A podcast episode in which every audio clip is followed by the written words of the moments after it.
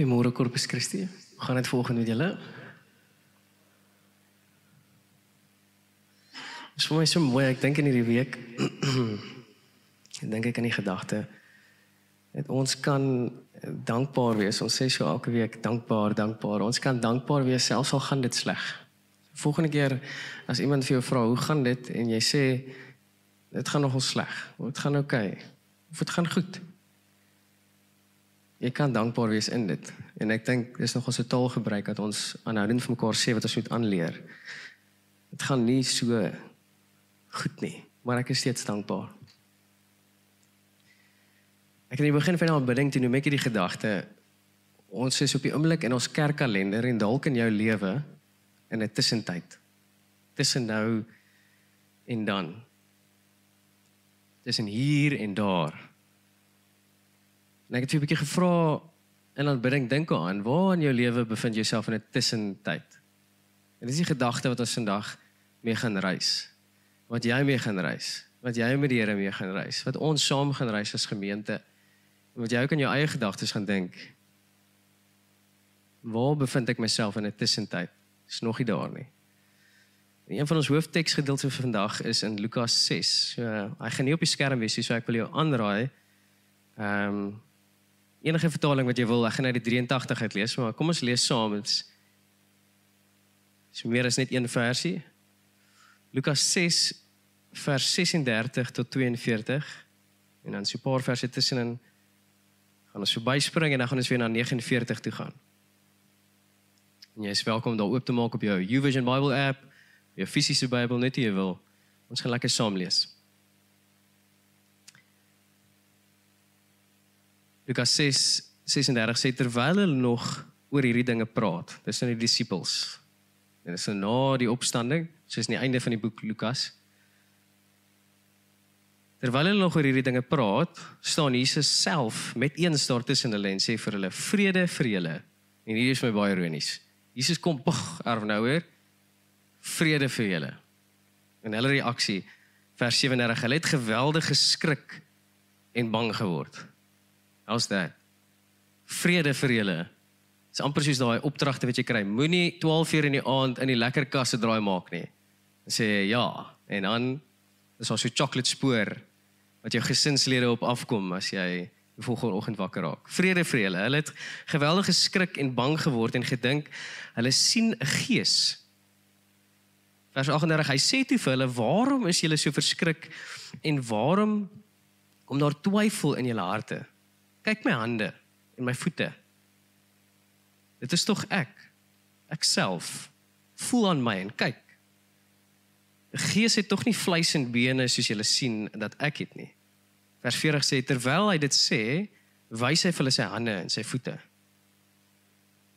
Toe hulle van blydskap en verwondering nog nie kon glo nie, sê hy vir hulle: "Het julle hier iets om te eet?" En hulle gee hom 'n stuk gebakte vis. En ons het nou die dag gepraat oor die vis en daai visgedagte bly nog steeds vir my as hy nie hier was nie.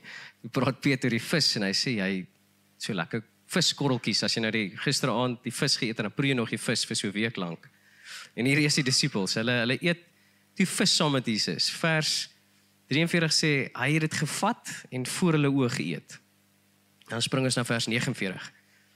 En ek sal die gawe wat my Vader beloof het vir julle stuur maar julle moet in die stad bly totdat julle krag van bo toegerus is. Totdat julle met krag van bo af toegerus is. Vers 50 daarna het hy hulle uit die stad uitgelei tot by Betanië. Daar het hy sy hande opgehef en hulle geseën. En terwyl hy hulle seën, het hy van hulle af weggegaan en hy's in die hemel opgeneem. Vers 52 Hulle het hom aanbid en met groot blydskap na Jerusalem toe teruggegaan. En daar het hulle die hele tyd by die tempel gebly en God geprys. In ons kerktradisie hoe ons groot geword het, dalk nie almal van ons nie, ek het so groot geword, hoor ons gereeld van die, die 40 40 dae terug is Jesus gekruisig. Dit is belangrik ons hoor daarvan. 37 dae terug het hy opgestaan. Dis belangrik. Ons hoor daarvan. En dan hoor ons van die hemelvaart. Dit was donderdag gewees. Dit is lekker om van julle te sien donderdag. Dit was 'n spesiale intieme geleentheid en weet dit met ons woord gedeel, gedeel. En ons hoor van hemelvaart. Ons vier dit Jesus aan die regterhand van die Vader verenig. Ons hoor van die 40 en die 37 dae terug die kruisiging en en die hemelvaart. Die kruisiging en die opstanding en die hemelvaart en dan is dit so half asof ons hierdie tipe beweging doen. Nou ek het die hoogspring gedoen en ek dra skinny swart jeans, so daai was die beste wat ek kon doen. En ons hoor hierdie ons het hierdie half beweging wat ons doen. En dan sit nou die uitstorting van die Heilige Gees en hier's waar die Pinkstermanne nou. Wag al heel jaar lank vir hierdie manne. Vir wie kan ek bid? en ons gaan nog nie nou daar wees nie. Ons is nie nou daar nie. En ons gaan nie daai snaakse beweging nou doen en nou spring nie. Ons is nou tussen nou en dan. Tussen Hemelvaart en tussen Pinkster en dis 'n baie lekker tyd eintlik om in te wees. Ons is by die 10. 10 dae tussen Hemelvaart en Pinkster. Daai 10 dae donderdag begin. 10 dae. Wat doen jy in 'n tussentyd? Wanneer die storie nie so moet eindig nie. Wanneer jy wag vir 'n resultaat. Wanneer jy wag vir 'n uitkoms, wanneer jy wag vir verandering. Wanneer iets begin het, ook by die werk, ook by enige ander afdeling as jy dit wil so wil noem van jou lewe. En jy sit in hierdie tussentyd jy weet iets kom jy weet iets moet verander jy weet daar moet 'n resultaat wees jy weet daar moet 'n vrug wees. Jy het geplant jy het dit gedoen jy het alles gedoen wat jy kon nou is jy in die tussentyd die 10 dae jy's in die 10 wat wat doen jy? Wat doen jy as jy net 'n mosterd mosterdsaad grootte geloof het? Of selfs nie eers dit nie en jy sit en hoop. Wat doen jy as jy in die omstandighede is en jy wil net vlug daarvan? Maar jy moet hoop nou hier vind, want dis wat jy nou het. Dis die 10 wat jy nou het, die 10 dae. Jy's in tussen nou en dan.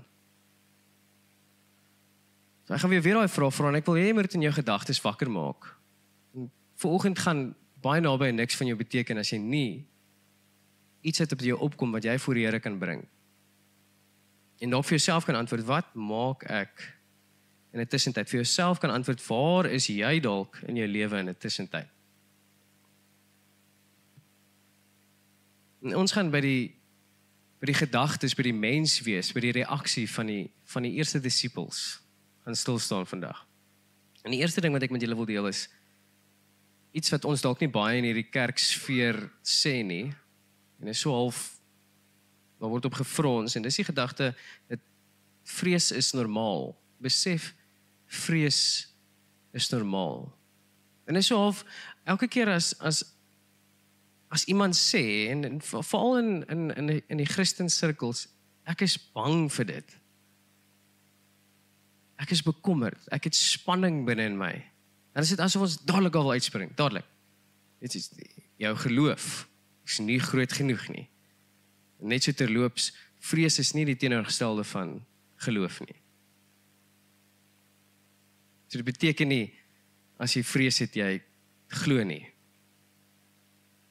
Die eerste gedagte in hierdie in hierdie 10 dae tydperk in in hierdie tussentyd tussen nou en dan besef vrees is normaal. Wat doen vrees? Vrees sê vir jou daar's iets groter as jy in hierdie wêreld. Vrees sê vir jou jy is nie van alles in beheer nie. Jy's nie in beheer van alles nie. Vrees sê vir jou jy is mens en jy word gedwing om dit te erken. Ek is mens. Die Bybel praat baie vrees van God. Erken dat hy God is. Erken dat hy regeer. Erken sy almagtigheid. Aanbid hom daarvoor. Hierdie hierdie vrees dit ek is nie God nie. Ek erken dit. En in ons taalgebruik eers is dit dalk bietjie beperk. En ons sien dit as 'n negatiewe ding en ja, dit het negatiewe effekte, maar vrees in homself is nie die teenoorgestelde van geloof nie en is nie altyd 'n slegte ding nie. Inteendeel is dit 'n baie belangrike ding in hierdie tussentyd. Ek gaan weer vir ons Lukas 6:37 lees. En dit sê die volgende: Hulle het geweldig geskrik en bang geword. Onthou julle dis nadat Jesus gesê het vrede vir julle. En dan staan daar nie hulle het met hulle rokkies opgestaan en hulle hande opgesteek en sê vrede vir ons. Hulle het geskrik en bang geword. Hulle het vrees ervaar met Jesus in lewende lywe wat voor hulle staan en vrede oor hulle uitspreek want ek weet die woorde van Jesus self is nooit leeg nie. So as hy sê vrede is dit nie net 'n hallo of daai hoe gaan dit? Goed, dankie met jou. Daai goed is nie regtig goed nie of is nie regtig doelende nie. Maar Jesus se woorde is is vol, dit het impak. En en steeds in die midde van dit ervaar hulle vrees. Ek wil gaan kyk na die woord daar vrees. Hulle het geskrik en hulle het bang geword. En dit is my dit was my so Waar's Fred wanneer jy hom nodig het? Profound. Maar Fred sê nou 'n ander woordjie gesit het. Ehm um, Die wortelwoord beteken om te vlieg. Die Grieks. It's crazy. Beteken om te vlieg. Beteken letterlik jy spring so hoog dat jy uit jou omstandighede uit wil spring. En terselfdertyd beteken vrees dat jy dink soms onrealisties, jy's besig om buite die scenario te vlieg. Wanneer jy vrees ervaar, is dit 'n toestand waarin jy is wat jy nie realisties dink nie. En ek weet nie of dit meer close to home vir jou begin raak as jy 'n vrees het vir iets om te gebeur. Begin jy amper al optree in daai situasie. Jy begin amper al soos ek ek moet hierdie hier hierdie reg kry. Ek het te vrees, wat is daai persoon nie lojaal is teenoor my nie? Wat as die werk dink die produk wat ek lewer is nie goed genoeg nie. Jy begin optree, jy begin optree in 'n onrealistiese iets wat nie realiteit is nie. Dit is nie op die oomblik realiteit nie, maar jou gedagtes, jy vlieg sommer buite die omstandighede. En dis die disippels hier. Jesus sê vir hulle vrede vir julle. En Jesus self staan voor hulle met sy hande en met sy voete wat steeds is soos dit was by die kruisiging. En hulle vlieg op hierdie vrees. Hierdie vrees wat ek en jy ook ervaar, hierdie vrees wat ons wil laat wegvlug van ons omstandighede. En daai vrede wat Jesus hier sê, vrede vir julle. Vrede vir jou. Hierdie vrede ten spyte van vrees. Dit is my so mooi wat Jesus daarna doen. Hy het mos saam met hulle 'n gebakte vis geëet, met hulle gesels. Dit is vir my so mooi dat selfs in jou ongeloof, selfs in jou onvermoë om te verstaan. Né? Nee? Kom sit Jesus by jou. Tasbaar aan jou tafel. Hy het gekies om nie in 'n wolk te kom nie. Nie in vuur nie. Niks minder as Jesus self wat by die disippels sit. Dis vir my en jou in hierdie 10 dae in hierdie tussentyd, tussen nou en dan, dat ons bietjie terugdink. Dis vir my en jou. Jesus kom tasbaar deur mense. Hierdie afgelope jaar het ek verstom gestaan hoe hoe mense in my lewe inkom. Hoe die Here mense stuur en mense gebruik. Hoe wanneer ek soos hierdie week was was 'n moeilike week vir my gaan wees. En hoe ek net 'n minuut stil raak en dan kom die Here tasbaar. Dan kom Jesus tasbaar. Nie met een 'n airy fairy gedagte of enigiets soos dit nie tasbaar soos ek besig is om sy woord te lees, soos ek besig is om stil te raak, te mediteer. Kom in Jesus en bring vir my rustigheid. Bring vir my vrede. In spite van my vrees. Wat as ek nie Saterdag dit kan doen nie? Ek was Saterdag by aanbiddingsgeleentheid betrokke gaan wees. Wat as ek nie hierdie kan doen nie? Ek wou nou gaan optree en ek begin al mense WhatsApp en ek delete die WhatsApp en ek gaan al net in en en Jesus kom en bring vir my vrede. En dit is my so mooi dat Wanneer jy besef vrees is normaal en jy probeer dit nie net afskud as 'n mediocre Christen, dis hoekom jy vrees ervaar nie. Dan besef jy wanneer Jesus sê vrede vir jou, dan nooi hy jou na sy waarheid en realiteit. Dit vrees laat ons ons sê dit laat jou vlieg, dat jy buite die omstandighede wil kom, dit laat jou onrealisties dink en dan kom Jesus en steek sy hand uit tasbaar en hy nooi jou na sy waarheid en sy realiteit. En ons sien dit hierso. En ehm um, vers 37 en vers 39. En kom Jesus en van die verse wat wat ons uitgelos het en nie gelees het waar ons tussen gespring het en Jesus verduidelik hulle. Hy verduidelik vir hulle die opstanding. Hy verduidelik vir hulle sy kruisiging weer en weer. Hy nooi hulle in die realiteit wat hulle eintlik in is, die waarheid wat hulle eintlik in is. Waar jy soms so vinnig wil uitspring en jou gedagtes hardloop daar soos daai trein oor see, wat daai vinnige trein. Hy lyk sommer so, my sound effects. Nou gaan mense vir my na altyd sê, "Hoe kan jy nie daai trein se naam ken nie?" In geval, het iemand die trein se naam? My ore is toe, ek's baie jammer. maar almal anders het gehoor behalwe ek. en ons gedagtes hardloop so in 'n ander rigting in. En dan kom Jesus met sy vrede en die vrees wat ons ervaar en hy nooi ons na sy realiteit en sy waarheid. En hier is iets wat vir my weer eens profound was. Dat vrees en vrede in dieselfde kamer kan staan. Jy weet dis eers soos vrede kom in en dan gaan vrees uit nie. Jesus kom en hy verskyn aan sy disippels. En hy sê vrede vir julle. En net nadat hy dit gesê het, skrik die disippels steeds. Hulle is steeds bang. Jy weet dat jy weet dat God se beloftes sal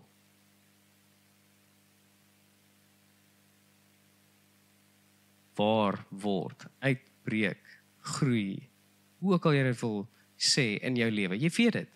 Die Heilige Gees praat met jou in jou binnekant. Nie net met elite Christene nie. Hy bring hierdie gedagte aan jou, herinner jou aan God se getrouheid, maar steeds ten midde van dit staan vrees en vrede in dieselfde kamer.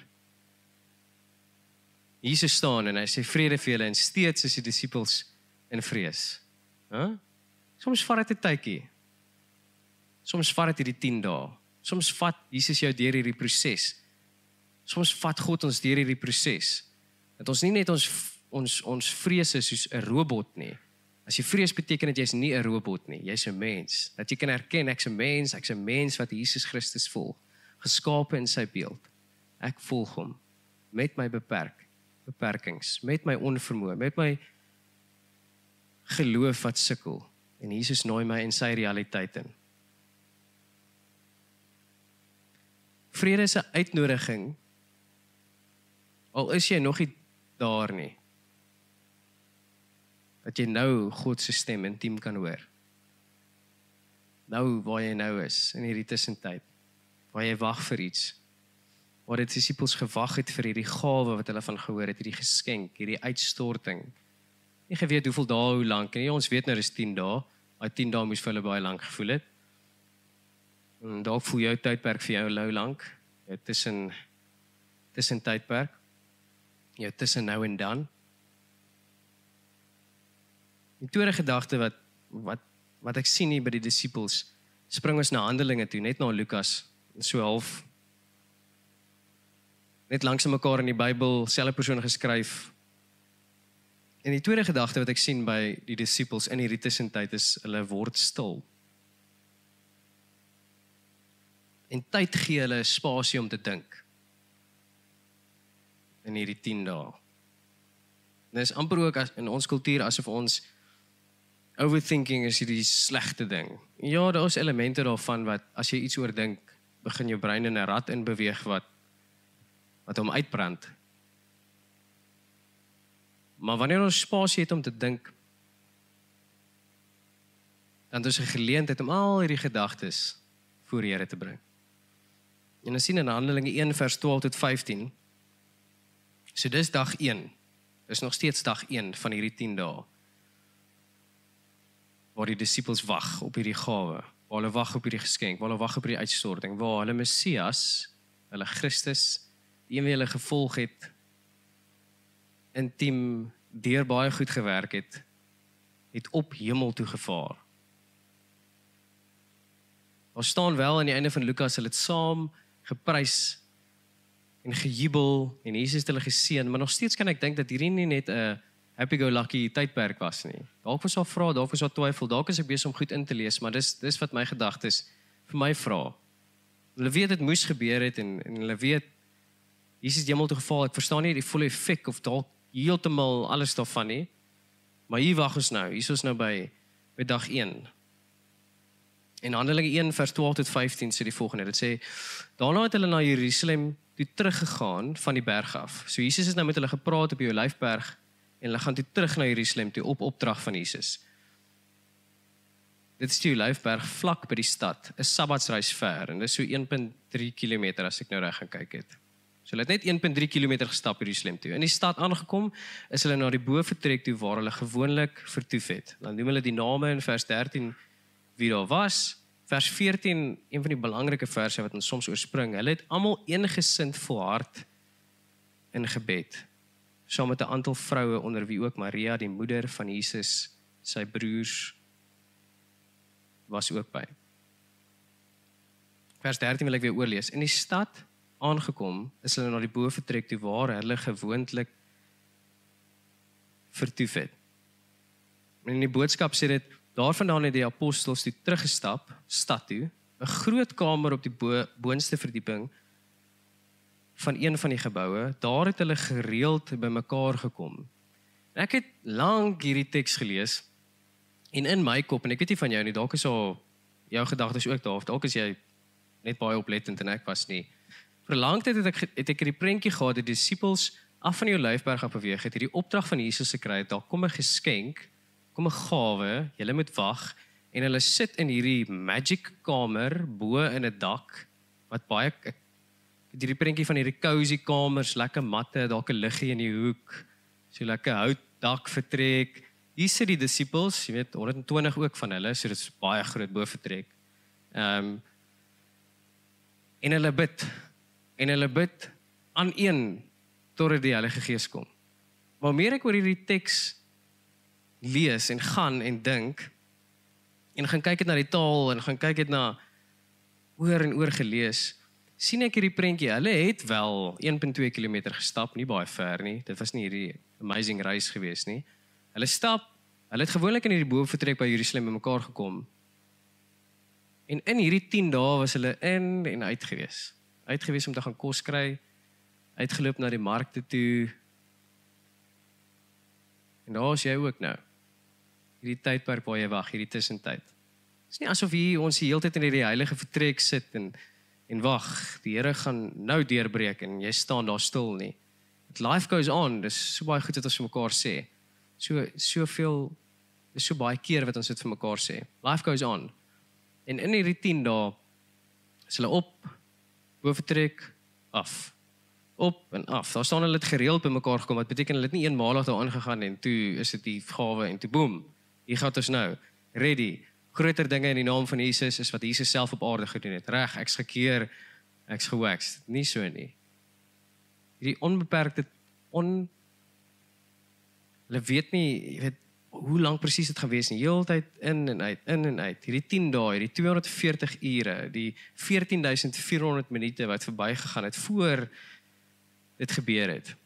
En ek lees in, in 'n kommentaar, in die Eerdmans kommentaar, een sin wat vir my ongelooflik mooi is in hierdie tydperk, in wat hulle heeltyd in en uit hierdie vertrek beweeg, wag vir die Heilige Gees om te kom, wag vir die gawe, nie heeltemal weet wat dit beteken wat Jesus gesê het nie. Hulle weet net hulle moet wag, hulle moet in Jerusalem wees is 10 dae lank in die in die omgewing besig.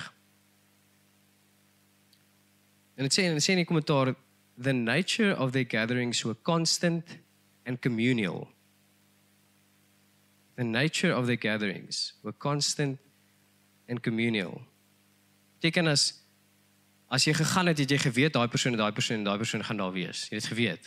As jy Sondag kerk toe gaan, dan weet jy daai persoon gaan daar wees. Dit was nie soos, "O, oh, dit het nou gereën vandag," so, "Ooh, nou maar die stream kyk." Dankie by the way vir al die manne wat die stream hanteer. Dit was nie so nie. Nie dat ek sê dis sleg nie. Ek probeer net sê, jy weet, hoe hulle gesindheid was, hoe die die kern van hulle karakter as groep was, constant and communal. Elke dag. En jy vertrek bid saam, word stil. Wie hy constant and communal. En dan staan hulle was een gesind gewees.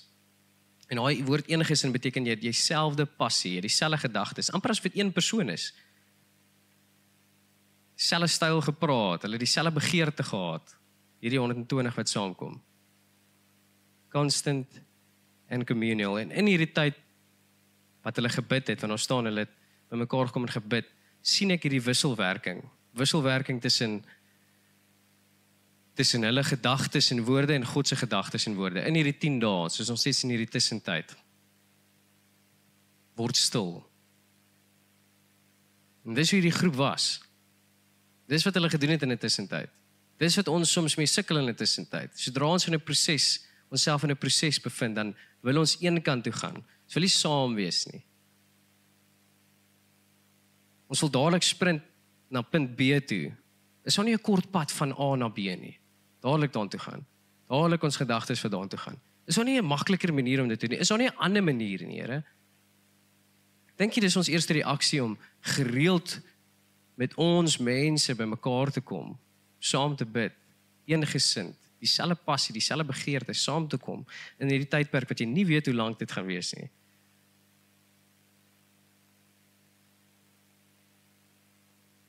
Besef vrees is normaal en word stil tussentyd. Laaste gedagte. En hierdie is iets wat ons so baie woorde, so ek so was so versigtig om te deel dat jou ore toe gaan, maar ek dink tog is dit belangrik om om te sê want in hierdie tyd lees ons ook ons weet ehm um, Judas is nie meer met die disippels nie en in hierdie tyd het hulle ook die 12de persoon 'n nuwe 12de persoon om voltallig te wees gekies. In Handelinge 1 vers vers 15 tot 17 staan daar die volgende. Dit sê in daardie tyd was daar byeenkoms van sowat 120 gelowiges. Dis nog steeds heeltyd in en uit hierdie bokkamer en 'n party vertaling sê op 'n dag, 'n sekere dag. Die 83 sê in daardie tyd was daar byeenkoms van sowat 120 gelowiges. Petrus het die leiding geneem en gesê: "Broers, die skrifwoord wat die Heilige Gees tevore by monde van Dawid oor Judas uitgespreek het, moes vervul word." Jy sien, selfs in hierdie demekaar tyd, selfs in hierdie 10 dae is, is Petrus gee hom wat is sy reaksie om terug te gaan skrif toe, terug te gaan beloftes toe, terug te gaan Hoe kan ek hierdie snaakse omstandighede verstaan? Wat kan ek wat kan ek duidelikheid van die Here af kry in sy woord, in sy in sy beloftes? En dit wat hy gesê het gaan gebeur. En dit wat ons in die skrif lees. Dis 'n patroon. Kom saam. Bid saam. Anker jouself in in sy woorde en beloftes en ek en ek dink in hierdie tyd waar alles nie baie duidelik was nie en die disippels gekom en, en ek kan ek sien in Petrus se gedagtes hoe ja, hoe was die afgelope 3 jaar gewees om Jesus te volg?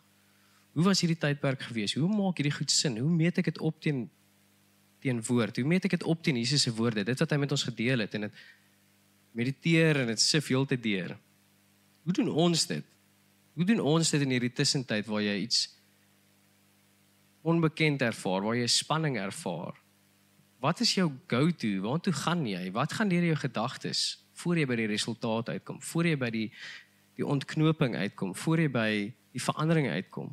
Wat gaan jy deur jou gedagtes? Is dit 'n suiwer radiostasie waar boem, jy sit dit op 'n stasie en naspeel bokradio, wat ook al jy luister. Dis net bokradio. Jy hoor nie elke 30 sekondes KFM tussenin nie. Jy's ingeskakel op daai radiostasie. Wat loop deur jou gedagtes? in hierdie tussentydperk.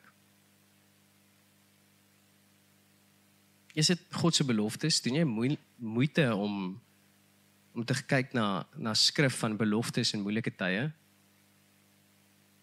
Beloftes Jesus wat woorde gesê het wat vir ons verlei in tussentydperk in hierdie tussentydperk in hierdie 10 dae terwyl jy wag terwyl jy wonder terwyl jy sukkel En dis een van die mooiste vertalings en en skrifte vir my op die oomblik en dis 2 Korintiërs 1:20 en dit sê for no matter how many promises God has made they are yes in Christ. And so through him the amen is spoken by us to the glory of God. Ek wil nie te diep in hierdie ingaan nie en ek gaan afsluit met dit. Paulus skryf hierdie aan aan die gemeente van Korinte. En dis 'n hawe stad gewees. En wat 'n hawe stad beteken is wat gereeld skepe verbygekom. En dan dis nie soos ons skepe, die MSC cruises, poep, hulle stop net daar en dan gaan hulle na twee dae aan nie. Hulle moes 'n paar maande gebly het vir kos, vir herstel van die skip. So in Korinte ehm um, het hierdie skepe verbygeweeg en dit was 'n mengelmoes van mense, van gelowe. En die Griekse het 'n pantheon gode gehad. So dit was hier's die tempel vir dit, hier's die tempel vir dit, hier's die tempel vir dit. En nog tussendeur dit was daar nog ander snaakse volke wat ook deurgekom het. En almal het hulle ideologie en idees mekaar gedeel en dit was hierdie weird stad gewees. Jy weet nie regtig wat om te glo, waar om te vat en waar om te los nie. Dis dit is in hierdie die mekaar tye dat Paulus vir die die gemeente in Korinthe skryf wanneer jy hierdie see van warrelwoel ervaar en daai ou sê dit en wie is Jesus? Is hy deel van een van die 3000 gode? Wat wanneer jy dit ervaar wanneer jy die mekaar tyd en jou tussen nou en dan ervaar en en al hierdie gedagtes spoel op en dit voel vir jou hier kom 'n gedagte soos daai skip en daar gaan en en alles is net in mekaar. Waar in jou woordeskat waar in jou soeke lê daar beloftes van Jesus? Beloftes van God. Wat nooit sal nie tot volëinde kom in jou situasie nie. Dit altyd ja en amen sal wees. Dit altyd jou anker sal wees. Jesus se woorde en sy beloftes. Wat altyd genoeg sal wees. En ek dink spesifiek vir oggend aan is interessant hoe hoe hoe Jesus 6 keer in die evangelies die taal gebruik. 6 keer word daar die woord gesê ek sal. En ek raai jou aan om te gaan soek. Ek gaan dit nie op my skerm sit nie, maar gaan soek dit. Jesus sê 6 keer deur die evangelies uitdruklik in die taal gebruik. Dalk vertaal die Afrikaans of Engels 'n klein bietjie anders, maar dit sê ek sal, ek sal dit doen. Ek sal dit doen. Ek sal. Hy sal jou gebruik. Hy sal vir jou rus gee. En ek dink volgens spesiaal in daai ek sal in Matteus 11 vers 28 waar Jesus sê hy sal vir jou rus gee. Dis 'n belofte. Jy sal rus vind in in dit wat jy nou ervaar. In hierdie tussen nou en tussen dan sal jy rus ervaar. Hy sal jou lei. My self jou lewe in oorvloed gee Johannes 14 vers 3. Hy sal. Waar is jy nou? Is my vraag. Ons bevind ons self gereeld in hierdie in hierdie sirkel en hierdie proses eers in ons lewe tussen nou en dan. Ons is nog nie daar nie, nog nie by dan nie. Ons is nou net by nou verby, soos hier in hierdie 10 dae. Dis 'n moeilike tyd soms om in te wees, maar is nie 'n slegte tyd nie. Dis nie sleg nie. Ek gefond saam bid. En ek voel terwyl ek bid, wil ek net hê maak jou gedagtes rustig.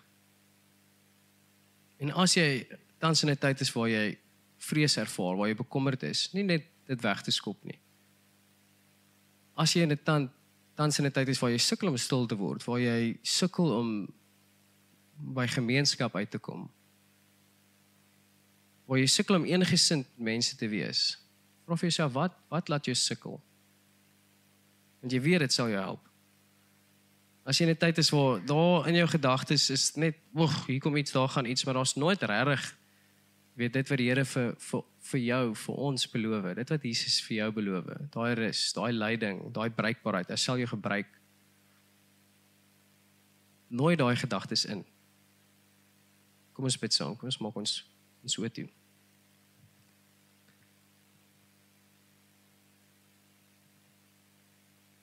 Ja, soos ons net 'n oomblik neem om om asem te haal om te ontspan om bewustheid te hê van u wat hier is. Al is ek bekommerd, al is ek angstig, al is ek de mekaar, of weet ek nie hoe hierdie dinge gaan uitloop of of wat gaan gebeur nie.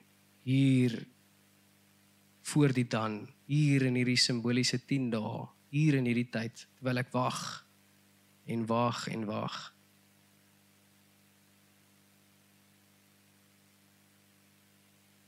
Raak raak bewus van die beloftes, die woord. Ek raak bewus dat hy my innooi, nie wil net soos 'n masjien net uit hierdie omstandighede uithaal nie. Hy's met my hier binne in dit. Wanneer ek wil vlug, besef ek hy's met my hier. Besef ek hy's mentor mense rondom my in my lewe, mense wat hy stuur op my pad, my gesin, my gemeente, my my vrou, my man, my kinders hier met my. Ek hoef nie te hardloop nie. Ek's in hierdie gemeenskap. In hierdie tyd En waar ook al ons nou is,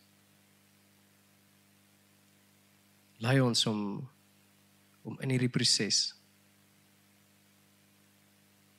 ons gedagtes oop te maak vir U. Wat sê U? Die vrede wat ons in waarheid innooi. Die vrede wat ons in U realiteit innooi. Die vrede wat ons sig gee wat meer kan sien as vir die menslike oë kan sien. Ons help om te verstaan. En al verstaan ons nie, is ons hoop en sekerheid in U. En ek bid vir elke persoon in hierdie trek en myself in kluis.